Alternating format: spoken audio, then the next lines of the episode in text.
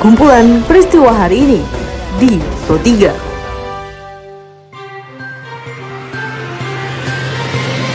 Halo pendengar, saat ini Anda sedang mendengarkan kumpulan peristiwa Pro 3. Pada podcast ini saya akan mengulas terkait isu-isu aktual yang saat ini masih hangat atau ramai diperbincangkan di sekitar kita. Tentu saja nanti akan saya hadirkan cuplikan informasi dari reporter-reporter kami. Baiklah, bersama saya Karisma Rizky, saya hadirkan kumpulan peristiwa Pro 3 di ruang dengar podcast ini. Pendengar sebelum saya masuk ke dalam beberapa isu aktual yang akan saya hadirkan sesaat lagi saya akan mengundang Anda untuk mampir ke laman berita kami di rri.co.id. Juga Anda bisa follow Instagram juga Twitter serta Facebook kami di @rri_programa3. Pada hari ini saya akan mengangkat beberapa topik hangat yaitu di antaranya adalah SD Jaya Negara Kebandungan Sukabumi terpaksa menghentikan kegiatan belajar mengajar karena anak didik khawatir tertimpa bangunan yang rusak saat gempa. Satu dari 10 orang warga negara asing dalam pengawasan COVID-19 kemarin meninggal dunia di RSUV Sanglah Denpasar. WNA ini diketahui masuk Bali pada 29 Februari 2020 melalui Bandara Ngurah Rai Bali. Inilah kumpulan peristiwa Pro 3. Alat berat terus beroperasi melakukan pembersihan puing-puing bangunan yang ambruk saat gempa melanda di Sukabumi. Pada Kabupaten Sukabumi ada tiga daerah yang terdapat gempa. Cidahu, Kelapa Nunggal, Kebandungan dengan kerusakan berat dan sedang. Pada kawasan Kelapa Nunggal terdapat dua rumah bertingkat dua yang mengalami rusak berat sehingga terpaksa diratakan dengan tanah. Salah seorang warga Pulau Sari, Kelapa Nunggal, Sukabumi, Rahmat Junaidi, Sebagaimana yang dijelaskan reporter Sony Agung Saputra, mengungkapkan tidak bisa berbuat banyak pada rumahnya yang sudah rusak. Selain mengharapkan bantuan bahan material untuk memperbaiki rumahnya. Sampai saat ini, warga masih trauma akan gempa yang terjadi selasa sore lalu. Khawatir juga sih tinggal di sini gitu kan. Tapi ya mudah-mudahan langkah ke depannya gitu. nggak ada gempa susulan lagi gitu kan. Udah tahu belum cara selamat dari gempa, Bang? Belum, belum tahu. Pak bangunannya memang dari dulu bata kayak gini? Iya, udah dari dulu Batak.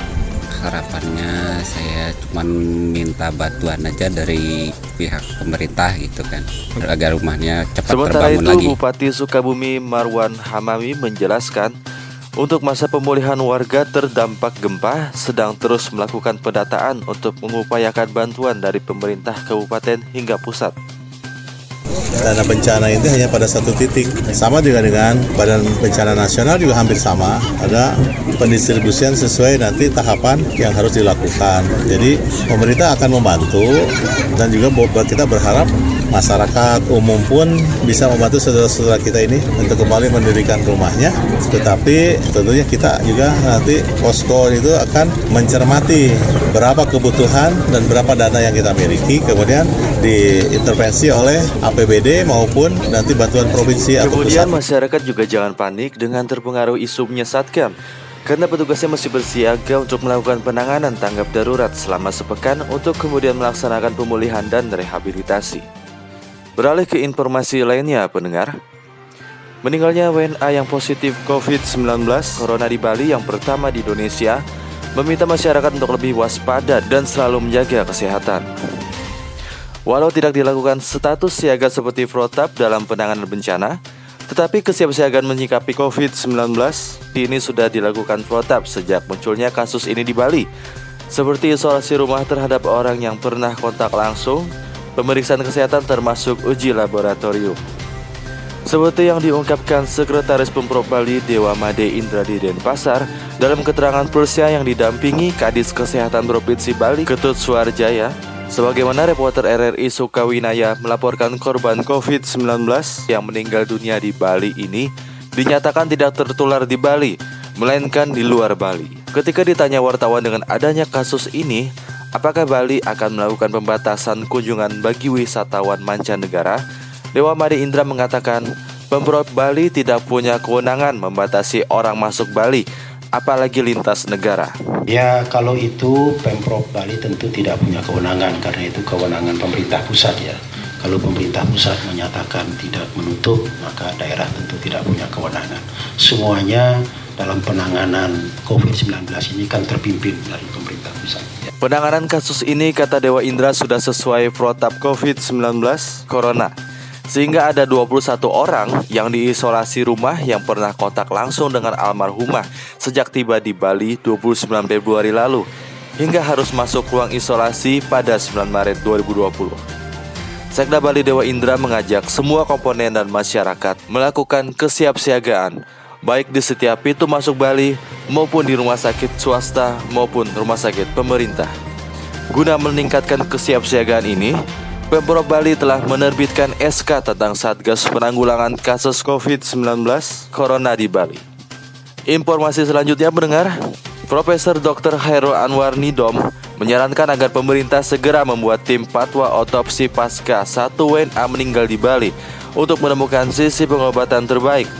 Berikut kami hadirkan kembali perbincangannya bersama Pro 3 RRI. Uh, oleh karena itu saya paling tidak butuh virus itu untuk melakukan simulasi pada hewan yang sesuai dengan hewan uh, pada kondisi manusia. Kami punya hewannya sehingga itu yang dinamakan postulat Koch, Mbak. Hmm. Jadi uh, virus itu diinfeksikan lagi kepada hewan model, kemudian dilihat organ apa yang dipengaruhi. Nah itu penting, itu jadi bukan pegangan dari teman-teman yang ada di rumah sakit. Apakah gambaran darah seperti ini, seperti itu, dan sebagainya nanti dicocokkan. Hmm. Jadi bisa dilakukan dengan hewan model dengan menggunakan postulat Koch.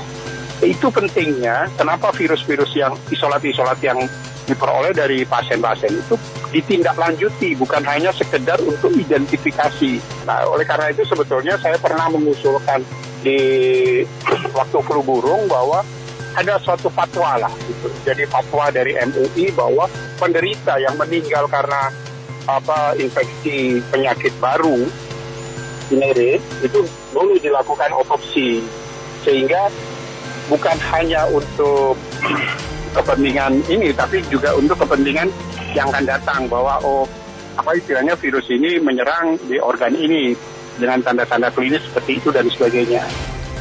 Baiklah pendengar, informasi tadi sekaligus mengakhiri perjumpaan kita pada podcast edisi hari ini. Anda masih bisa mendengarkan podcast edisi hari ini di Spotify dengan hanya mengetik RRI Pro 3 di kolom pencarian. Saya Karisma Rizky, undur diri, sampai jumpa. Kumpulan peristiwa hari ini di Pro 3.